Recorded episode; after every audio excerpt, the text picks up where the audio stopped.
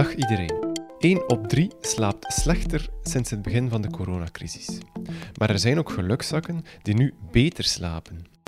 Hoe komt dat? Wat is goed slapen eigenlijk? En hoe voorkom je dat je een ganse nacht wakker ligt te woelen in bed? Ik vraag het aan slaapgeneeskundige Olivier Merisse van VUB, ULB en UVC Brugman. Dag Olivier. Goedemiddag. Uw slaaplab onderzoekt momenteel het effect van de coronacrisis op onze slaap. Hoe verloopt dat onderzoek? Wel, uh, we hebben eigenlijk een, een, wereldwijde online vragenlijst opgesteld waar we een aantal um, ja, biografische gegevens gaan verzamelen, enerzijds. En uh, ten tweede een aantal symptomen die gerelateerd zijn uh, aan, aan, het coronavirus.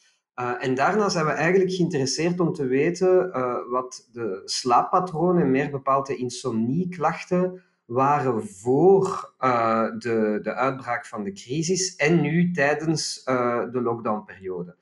En dus we zijn uh, zeer benieuwd om te zien hoe dat gaat evolueren, hoe de slaap gaat evolueren, de slaapduur, de slaapkwaliteit en dergelijke. En natuurlijk de klachten die daaraan verbonden zijn.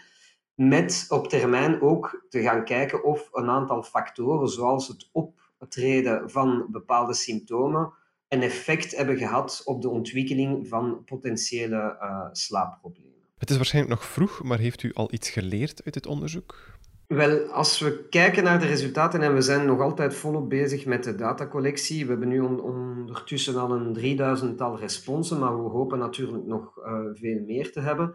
Uh, gelukkig zijn er eigenlijk al veel Nederlandstaligen die geantwoord hebben en ik denk dat we ongeveer met een 2000, 2100 uh, Nederlandstaligen zijn die al uh, een antwoord hebben uh, geboden. Um, wel, een aantal van die resultaten kunnen al een, een, een, zekere tendens aangeven, maar er zijn nog altijd geen statistische analyses uitgevoerd. En dus het blijft nog zeer voorlopig. Maar wat we zien is dat er toch wel een groeiende ontevredenheid is over de slaap. Als we gaan vergelijken bijvoorbeeld met de situatie voor de COVID-crisis, uh, kregen we toch een, een, een, overgrote meerderheid aan mensen die ja, zeer weinig klachten hadden in het algemeen, tot nu iets dat meer um, ja, naar, naar kwalitatieve ontevredenheid gaat van slaap. Um, ik weet dat ja, in Antwerpen en, uh, is er ongeveer één persoon op drie die dan toch wel aangeeft dat er uh, slaapklachten zijn. En inderdaad, dat zal wellicht ook ongeveer dezelfde proportie zijn die gaat uitkomen. Maar er zijn, ook misschien interessante aspecten uh, die we gaan uh, kunnen terugvinden. Uh, zijn de mensen die eigenlijk ook een betere slaapkwaliteit rapporteren. Dus we hebben eigenlijk twee grote lijnen die, die we aan, aan het observeren zijn momenteel. En zoals ik zeg, is nog altijd heel voorlopig. Wel mensen die eigenlijk al, al klachten van insomnie op voorhand hadden, uh, wel, die zullen waarschijnlijk door de situatie, door angstgevoelens bijvoorbeeld, die daaraan gekoppeld zijn, een, een soort van acute vorm van uh, insomnie uh, erbij opnieuw gaan ontwikkelen. En andere mensen die eigenlijk, dat is het, het, het, het broertje van de insomnie, maar ook effectief iets wat dat veel in onze maatschappij terugkomt, zijn mensen met een tekort aan slaap. Insomnie is eerder een kwalitatief tekort, maar er zijn heel veel mensen die ook een kwantitatief tekort aan slaap rapporteren. En dus de situatie nu van, van, van lockdown, van opsluiting, zorgt er soms voor dat mensen die ook blijven telewerken of effectief nu uh, uh, thuis zitten, wel toch een positief effect kunnen ervaren ook, aangezien dat ze langer kunnen slapen. En dus dan zien we de effecten van uh, chronisch slaaptekort geïnduceerd door werk, bijvoorbeeld door vroeger te moeten opstaan om de kinderen nog naar school te brengen, etc. Uh, wel, die effecten zijn minder merkbaar. Dus, dus er zijn ook mensen die een kwantitatief tekort hadden in de, uh, in de week en die dat dan proberen te, te compenseren in het weekend. Wel, nu gaat die tendens wellicht eigenlijk minder merkbaar zijn en geraken mensen aan uh, de uren slaap die ze misschien nodig zouden hebben. Dus dat is één kant van uh, de analyse die we nu al uh, kunnen opmerken. Dus bepaalde mensen zullen hier waarschijnlijk uit leren dat hun slaappatroon voor de crisis niet zo goed was en dat er werk aan is om het misschien nu langer vol te houden, om meer tijd in slaap te steken? Wel, voor sommige mensen, uh, dus mensen die al een insomnieklacht hebben op zich, um, daar is grotendeels, uh, om het zo te zeggen, de, de behandelingswijze is juist uh, minder slapen, maar beter slapen. En met minder slapen bedoelen we vooral minder tijd in bed spenderen. En dat is nu compleet tegenovergestelde van mensen die effectief een, chronisch slaaptekort hebben, waarbij dat we juist instructie gaan geven van kijk, uh, nu mag je eigenlijk een beetje vroeger naar bed gaan. Of als het kan, uh, blijven een beetje langer uh, in bed liggen. Dus effectief tegenovergestelde wat we mensen gaan aanbevelen met slapeloosheid. Maar mensen met slaaptekort gaan we eerder dat zeggen van probeert wat meer tijd in bed te spenderen en bijvoorbeeld minder aan slaaprestrictie te doen door langer op te blijven, naar Netflix te kijken, etc. etcetera. Wat zijn de gevolgen van een slechte nachtrust? Moe zijn, uiteraard. Maar zijn er nog andere gevolgen voor onze gezondheid? Maar in, eerste, in, in eerste instantie, wat we zien uh, uh, al direct met de vragenlijst die we aan het afnemen zijn, is een van de voornaamste klachten, als er klachten zijn, is vermoeidheid. Dat is de klacht nummer één dat eruit komt.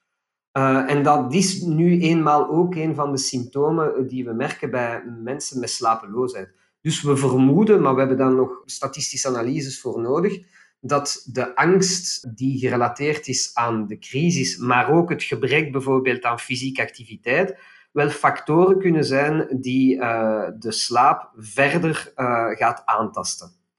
Dus er zijn effectief wel een aantal zaken die mensen kunnen doen om die slaapkwaliteit toch uh, te bewaren als die er is. En als er toch al problemen waren, het is misschien de, de mogelijkheid om, om, om nu deze zaken aan te pakken, bijvoorbeeld. Wat is eigenlijk de definitie van gezonde nachtrust? Ik hanteer een zeer simpel criterium daar, daarover. Heb je geen klachten over je slaap of heb je geen klachten overdag uh, die gerelateerd zijn aan slaap, dan heb je wellicht een goede nachtrust. Dus beide zijn, zijn mogelijk. Hè. Bijvoorbeeld uh, mensen met insomnie of met slapeloosheid gaan effectief klagen over uh, ja, te, te, veel tijd om in te slapen, te vaak wakker worden s'nachts, uh, te lang wakker worden s'nachts of vroegtijdige ontwakingen hebben. Bijvoorbeeld meer dan een half uur voor het gepland ontwaken van toch al wakker in je bed te liggen. Um, wel, dus ja, die gaan eigenlijk die, die, die symptomen van vermoeidheid kunnen vertonen overdag ook en zullen effectief een klacht hebben over hun slaapkwaliteit. Maar mensen die bijvoorbeeld klachten hebben over uh, slaapapneu, wel, dat zijn meestal klachten van de bedpartner. Uh, genre, uh, meneer snurkt te veel en dergelijke. En dus die, mensen gaan relatief weinig klachten over hun slaap hebben. Integendeel gaan zeggen van, ja, ik val eigenlijk overal in slaap. Maar gaan eerder klachten hebben van moeite te hebben om wakker te blijven in situaties waar dat het, de externe uh, stimuli um, niet zozeer aanwezig zijn. Bijvoorbeeld wanneer dat er moet gewacht worden op de trein of in de auto, uh, in een monotone situatie, gedurende een vergadering, etc. Dus dan heb je eigenlijk weinig klachten over slaap, maar eerder overdag klachten over het functioneren. Maar als dat afwezig is, dan is dat voor mij alleszins toch wel een, een, een, een teken van een, goede nachtrust. Dat betekent niet dat er natuurlijk geen onderliggende uh, slaapproblemen aanwezig kunnen zijn, maar die kunnen we enkel dan detecteren met bijvoorbeeld een effectief slaaponderzoek, dus wat wij noemen een polysomnografie uh, in het laboratorium of thuis. Nu, ik had nog, u had nog een vraag over de gevolgen voor de gezondheid um, van slaapproblemen, wel, natuurlijk, die zijn heel breed, maar als we het gaan bekijken nu in het kader van, van uh, de coronacrisis, wel, uh, laten we zeggen dat, dat een aantasting van de slaapkwaliteit in het algemeen een aantasting van de levenskwaliteit kan hebben. Men gaat zich minder uh, fit voelen, vermoeider voelen. Niet zozeer slaperig, maar echt vooral die, die vermoeidheidsklachten. Het heeft onmiddellijk een effect op het humeur. Dus ik kan u zich perfect inbeelden dat wanneer dat je een nacht slecht geslapen hebt, wel, dan, dan zijt je natuurlijk vatbaarder voor um, ja, verschillen in uh, het humeur. Dus minder tolerantie voor frustratie bijvoorbeeld.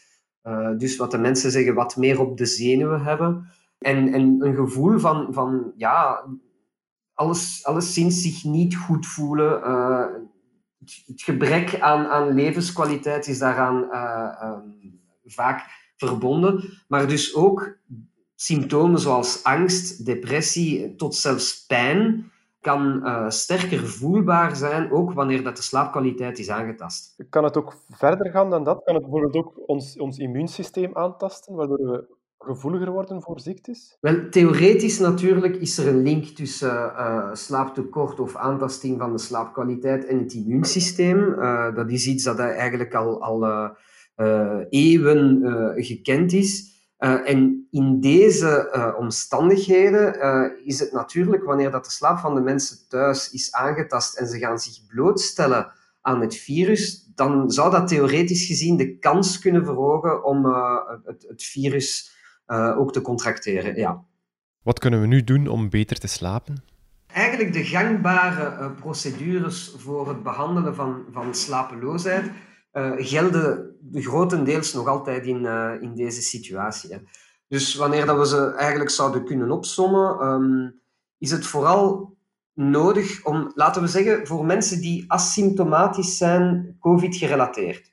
Want indien uh, u toch symptomen heeft die, die gerelateerd zouden kunnen zijn aan, aan COVID, dan zijn niet alle uh, maatregelen die wij uh, voor het, in het algemeen eigenlijk voorstellen nog altijd van kracht. Ik zal dat proberen uit te leggen. Bijvoorbeeld, een van de belangrijkste maatregelen om een, een, een gezonde slaap te behouden, is uh, de tijd in bed, de tijd wakker in bed te gaan minimaliseren. Met andere woorden, te vroeg gaan slapen, omdat men het gevoel heeft van moe te zijn, is meestal niet de oplossing. Dus men moet eigenlijk wachten tot men echt slaperig wordt. Tot um, de nood aan slaap en niet de nood aan rust voldoende hoog is. En dus mensen maken daar soms uh, hebben moeite om het verschil tussen beide te zien. Van ik, wij zeggen in de gangbare taal van ik, ik ben moe, ik ga gaan slapen. Maar dat is in principe niet echt correct. Het is vooral ik heb de nood aan slaap ik heb moeite om wakker te blijven, wel, dat is het juiste symptoom om te zeggen, ik ga naar bed. Dat wil dus zeggen dat uh, mensen uh, vaak die insomnieklachten hebben, te vroeg in hun bed kruipen. En dus wij geven als eerste tip van ga niet slapen wanneer je niet slaperig bent. En dus het kan zijn dat je daardoor wat later kan gaan slapen. En het uur van slapen gaan is eigenlijk minder van belang dan het uur van opstaan. Het is vooral de bedoeling dat je een strikt uur hanteert om op te staan. Proberen op te staan op hetzelfde moment. Eens dat je dat kan regelen, gaat de nood aan slaap zich automatisch daaraan gaan aanpassen. Een andere tip dat we uh, hanteren ook is effectief blijf ook niet te lang wakker in je bed wanneer je uh, wakker wordt tijdens de nacht. Het is perfect normaal van wakker te worden. Dus dat is een van de functies van slaap ook, is um, dat die, die, die toestand reversibel is. Dus dat men ook kan ontwaken. En dat heeft ja, ervoor gezorgd dat in de evolutie de, de menselijke soort is blijven kunnen bestaan om uh, effectief ook tegen predatoren te kunnen vechten. Het zou nogal evolutionair slecht zijn als je blijft slapen, zelfs als je in een gevaarlijke situatie bent. Dus wakker worden tijdens de nacht is normaal. Maar wanneer dat je merkt dat je langer dan een kwartier of twintig minuten uh, het gevoel hebt dat je eigenlijk niet kan terug inslapen, dan heeft het eigenlijk geen enkele zin om te blijven liggen. Dan ben je beter dat je uit je bed gaat en naar een andere kamer gaat en wacht totdat je opnieuw slaperig bent. En dan kan je terug in bed kruipen. Dus fysieke activiteit is een van de belangrijkste factoren om slaap op een natuurlijke wijze te gaan genereren. Ik ga niet in de details niet al in alle evolutionaire details gaan, uh, maar bijvoorbeeld de rechte postuur en um, de, hoe moet ik dat zeggen, de, psychomotoriek, de fijne psychomotoriek, zijn twee factoren die uh, gaan meespelen in het genereren van slaapdruk. Dus slaapdruk is iets dat eigenlijk geleidelijk aan opbouwt uh, gedurende de dag en die bouwt gewoon sneller op wanneer dat je fysieke activiteit hebt. Bijvoorbeeld alles wat uh, goed is, is bijvoorbeeld gaan stappen.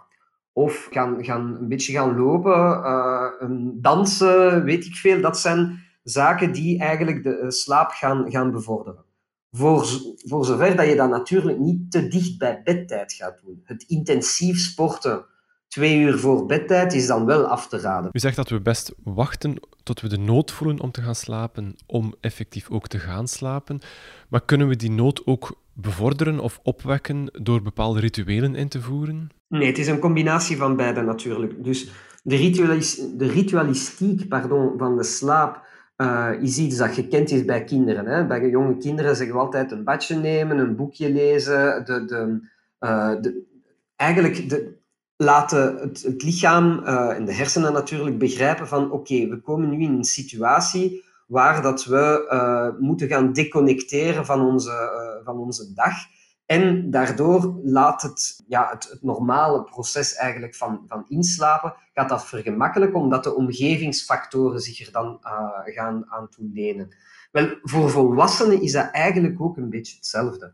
Dus het ritueel van minstens één uur voor, het habituele, voor de habituele bedtijd, van u al klaar te maken, van uw pyjama te zetten, bijvoorbeeld je tanden te poetsen, uh, echt effectief van ik ben klaar om te gaan slapen. En alle activiteit die ervoor zou moeten gebeuren tijdens de dag, dat wil dus zeggen gaan checken of dat alles goed toe is buiten, nog e-mails beantwoorden en dergelijke.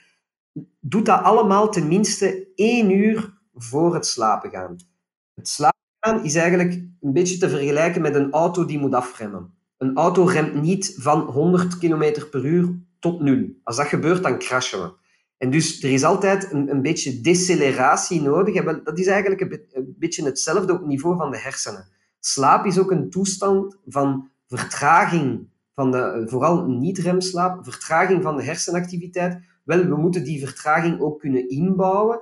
En dit door uh, op tijd eigenlijk via een, een, een gelijkaardig ritueel van algemeen deconnecteren van, van, van kalmte en rust voor het slapen gaan, om die uh, opkomende slaapdruk ook voelbaarder te maken. Stel dat je bijvoorbeeld heel actief bent en je hebt een hoge slaapdruk, het is 11 uur, uh, 11 uur s'avonds bijvoorbeeld, maar je bent nog altijd heel actief, wel dan ga je, je de opkomende slaapdruk gaan maskeren.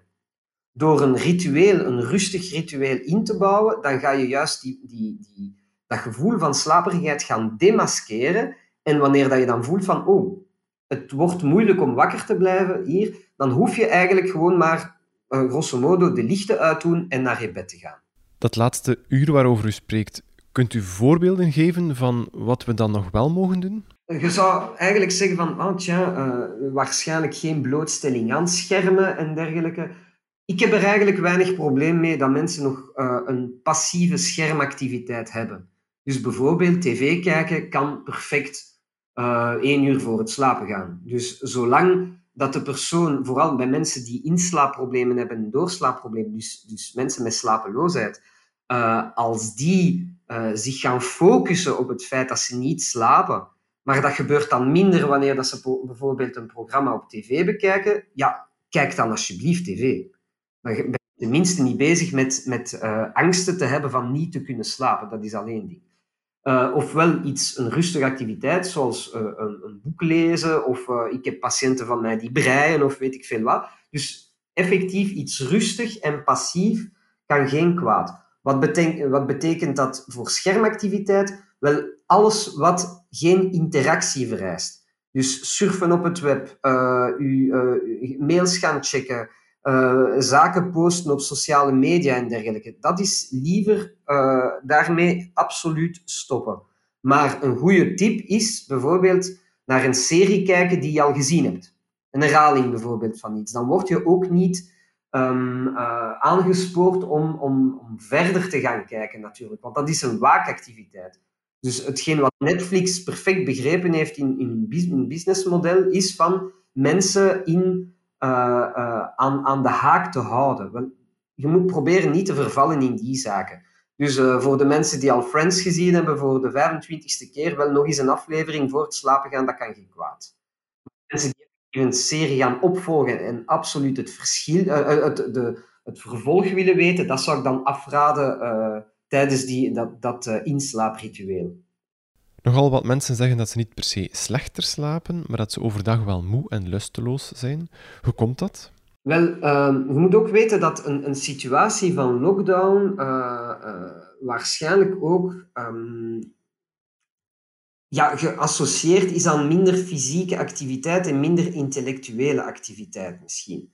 Uh, dus er zijn een aantal mensen die effectief minder gaan bewegen. En zoals ik al zei, de rechte postuur, de beweging, activiteit is iets wat de, de slaperigheidsgevoelens uh, gaat maskeren. Dus iemand die zich slaperiger voelt overdag in deze situatie nu, is gewoon omdat het symptoom gedemaskeerd wordt op dat moment.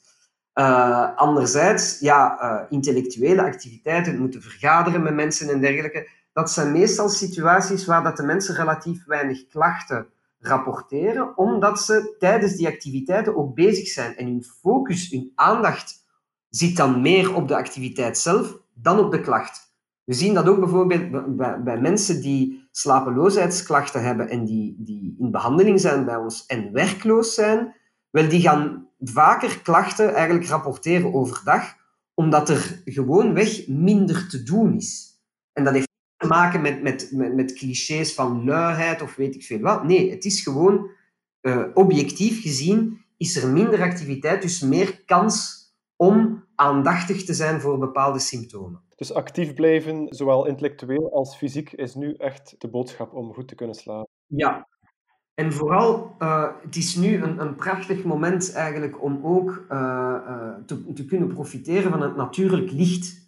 Want daar zijn natuurlijk ook veel zaken die ge gezegd worden naar, naar ja, geen blauw licht en vooral niet s'avonds, et cetera. er is blijkbaar een, een soort van eenheidsworst rond dat blauwe licht. Maar hoe weten dat licht zeer belangrijk is? Heel onze fysiologie is ook gebaseerd op het op de afwisseling van, van, van momenten waar dat we onder zonlicht zijn en momenten waar dat zonlicht afwezig is. Dus ons heel biologisch ritme, ons circadiaans ritme, is daarop afgestemd.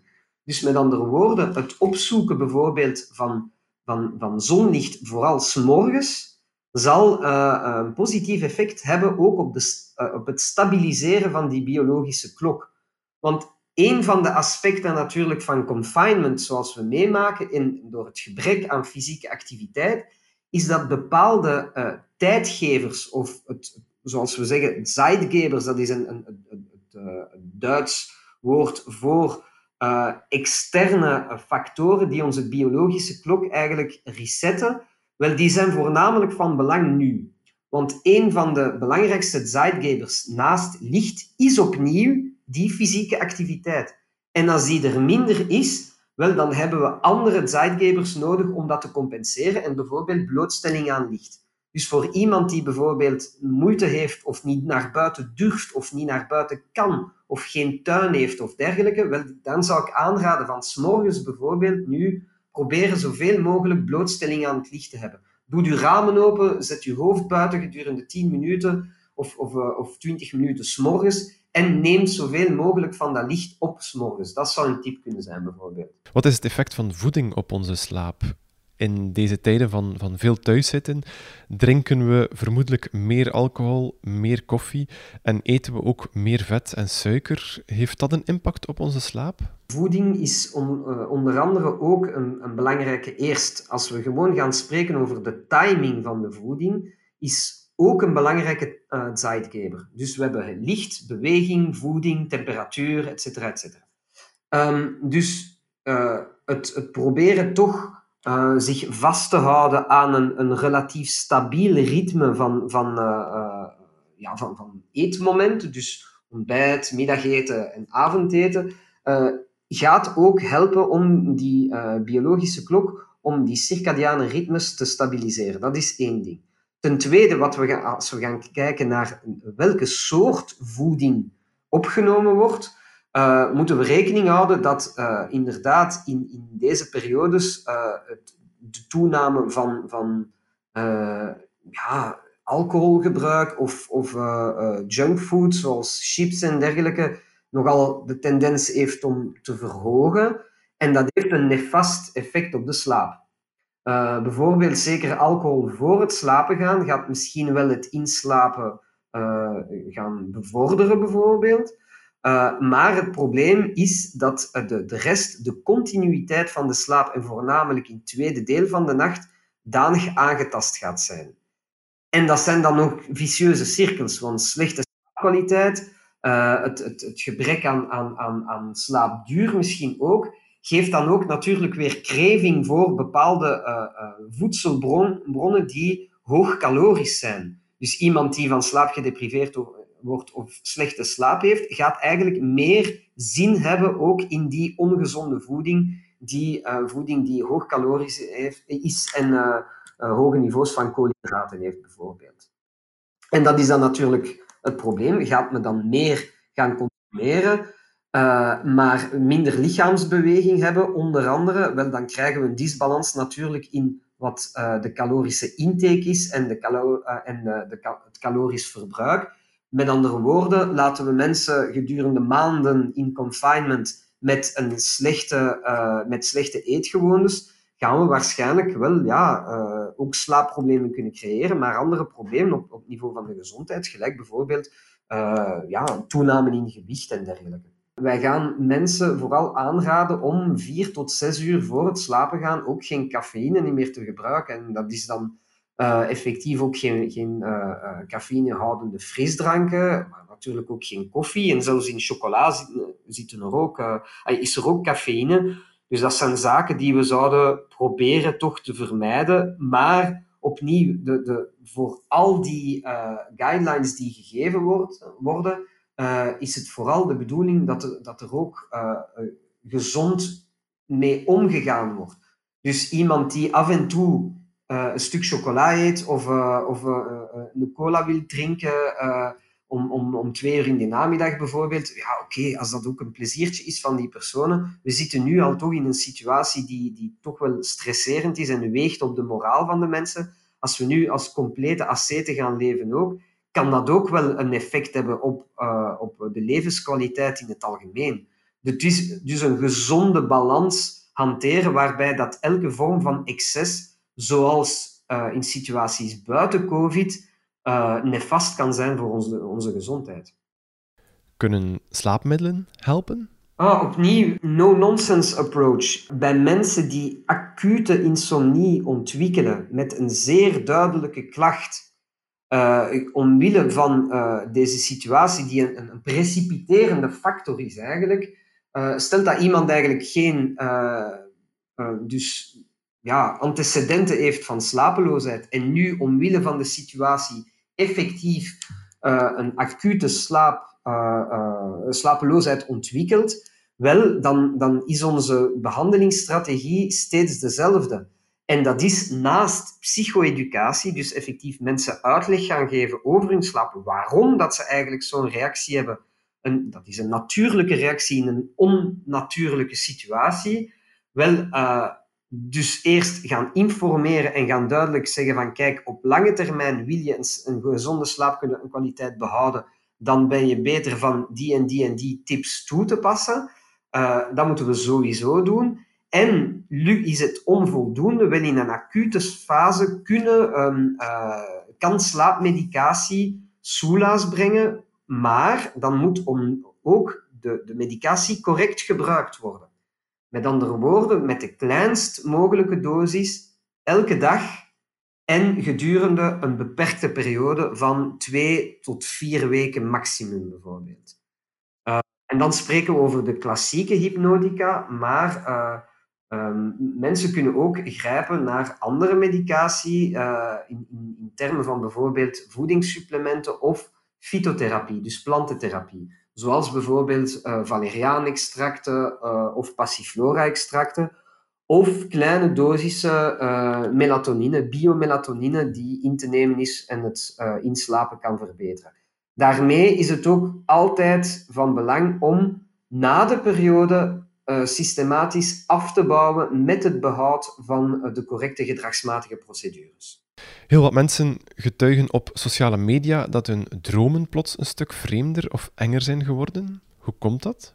Als mensen uh, in confinement zouden zijn en een, een, een verhoogde slaapduur hebben, wat we dus effectief ook verwachten, uh, zeker bij de werkende populatie, Wel, dat wil dus zeggen dat, dat er ook meer tijd uh, uh, gaat gespendeerd worden uh, in die slaapperiode. En meestal uitzicht dat, en dat, dat zien we eigenlijk al in onze data, waar dat we toch wel een, een algemeen verschil van 30 tot 60 minuten langer slapen kunnen merken bij de mensen die effectief ook langer slapen. Wel, aangezien dat het vooral het tweede deel van de nacht is dat gaat verlengd worden, uh, is de kans ook groter dat die tijd gaat opgevuld worden met uh, rapid eye movement sleep of droomslaap.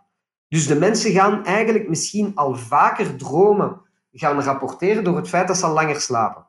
Dus dat is één ding. Ten tweede moeten we niet vergeten dat de, deze situatie een effect gaat hebben op uh, onze emotionele toestand, op onze affectieve toestand.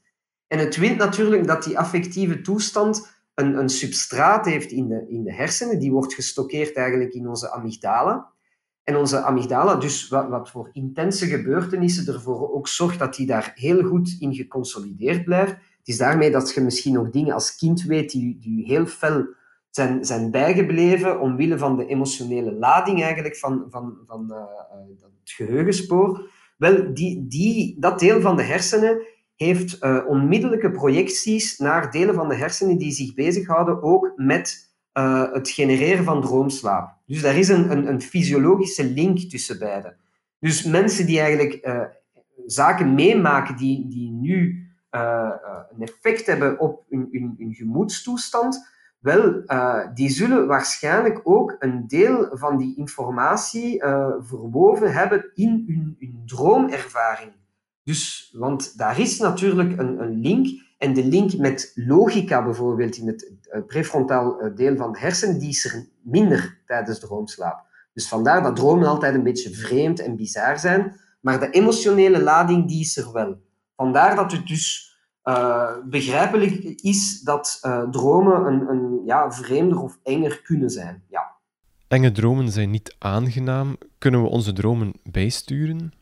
Ha, wel, er, er is een, een heel deel van, van uh, uh, ja, de wetenschappelijke gemeenschap die zich nu ook gaat bezighouden met bijvoorbeeld het hebben van lucidere dromen en dergelijke, waarbij dat we de, de, dromen uh, zouden kunnen proberen aan te passen. maar zeer um, substantieel wetenschappelijk werk bestaat daar momenteel nog niet over. maar het fenomeen is wel bekend. Nu, als je eigenlijk een, een, een effect zou willen hebben op uw droomkantend, dus op uw inhoud, uh, dan zou ik natuurlijk, uh, dan zijn er andere technieken die, die eerder te maken hebben met de, de, het, ja, het omgaan met emoties overdag. Die kunnen helpen, bijvoorbeeld relaxatieoefeningen of dergelijke. Maar een belangrijk aspect lijkt mij ook een gezonde manier van met die informatiestroom te kunnen omgaan, juist net over de pandemie.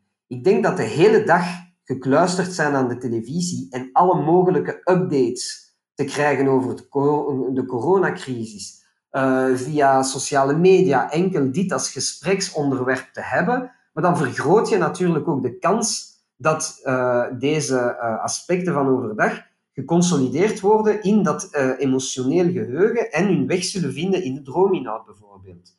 Dus opnieuw, excessen is zowel voor de consumptie van voedsel, van drank, maar ook van informatie. U bent wetenschappelijk verantwoordelijke van het slaaplab van het ziekenhuis UVC Brugman. Welke patiënten, als ik ze zo mag noemen, komen bij u terecht? Wij zijn een slaaplaboratorium die, uh, die eigenlijk uh, algemeen is. Dus er zijn ongeveer een, een tachtigtal slaapstoornissen en elke persoon met uh, potentieel een van die 80 eh, slaapstoornissen is welkom bij ons op het uh, slaaplaboratorium. Als je eerder wil weten welke, hoe dat de, de, de, de, demografische verdeling is in termen van slaapproblemen, dan zitten we ongeveer aan 40 tot 50 procent van onze patiënten zijn mensen met een vermoeden van een respiratoire probleem, dus slaapapneu. en dan hebben we toch een dertigtal procenten van uh, mensen met insomnieklachten. En vooral ambulatoire, dus mensen die, die uh, niet speciaal uh, een nacht komen op het labo slapen, maar effectief ook gewoon hun, klachten telefonisch of via mail of via consultatie gaan ventileren? Wel, dat zijn meestal mensen met slapeloosheidsproblemen. En dan de rest vult zich met mensen met neurologische aandoeningen, periodieke beenbewegingen, rusteloze benen, andere aandoeningen zoals narcolepsie. En dan krijgen we een lage prevalentie van de meer exotische uh, slaapproblemen, zoals uh, parasomnieën of zeer specifieke aandoeningen. Die zijn er ook wel.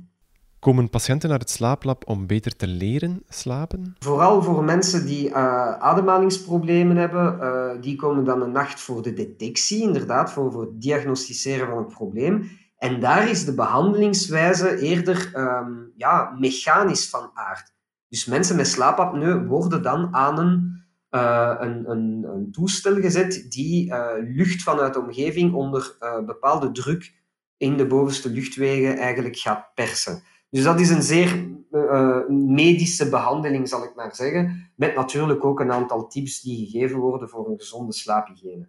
De mensen die komen met een, een slapeloosheidsproblematiek, die worden dan ofwel individueel ofwel in groep behandeld aan de hand van uh, cognitieve gedragstherapie voor insomnie.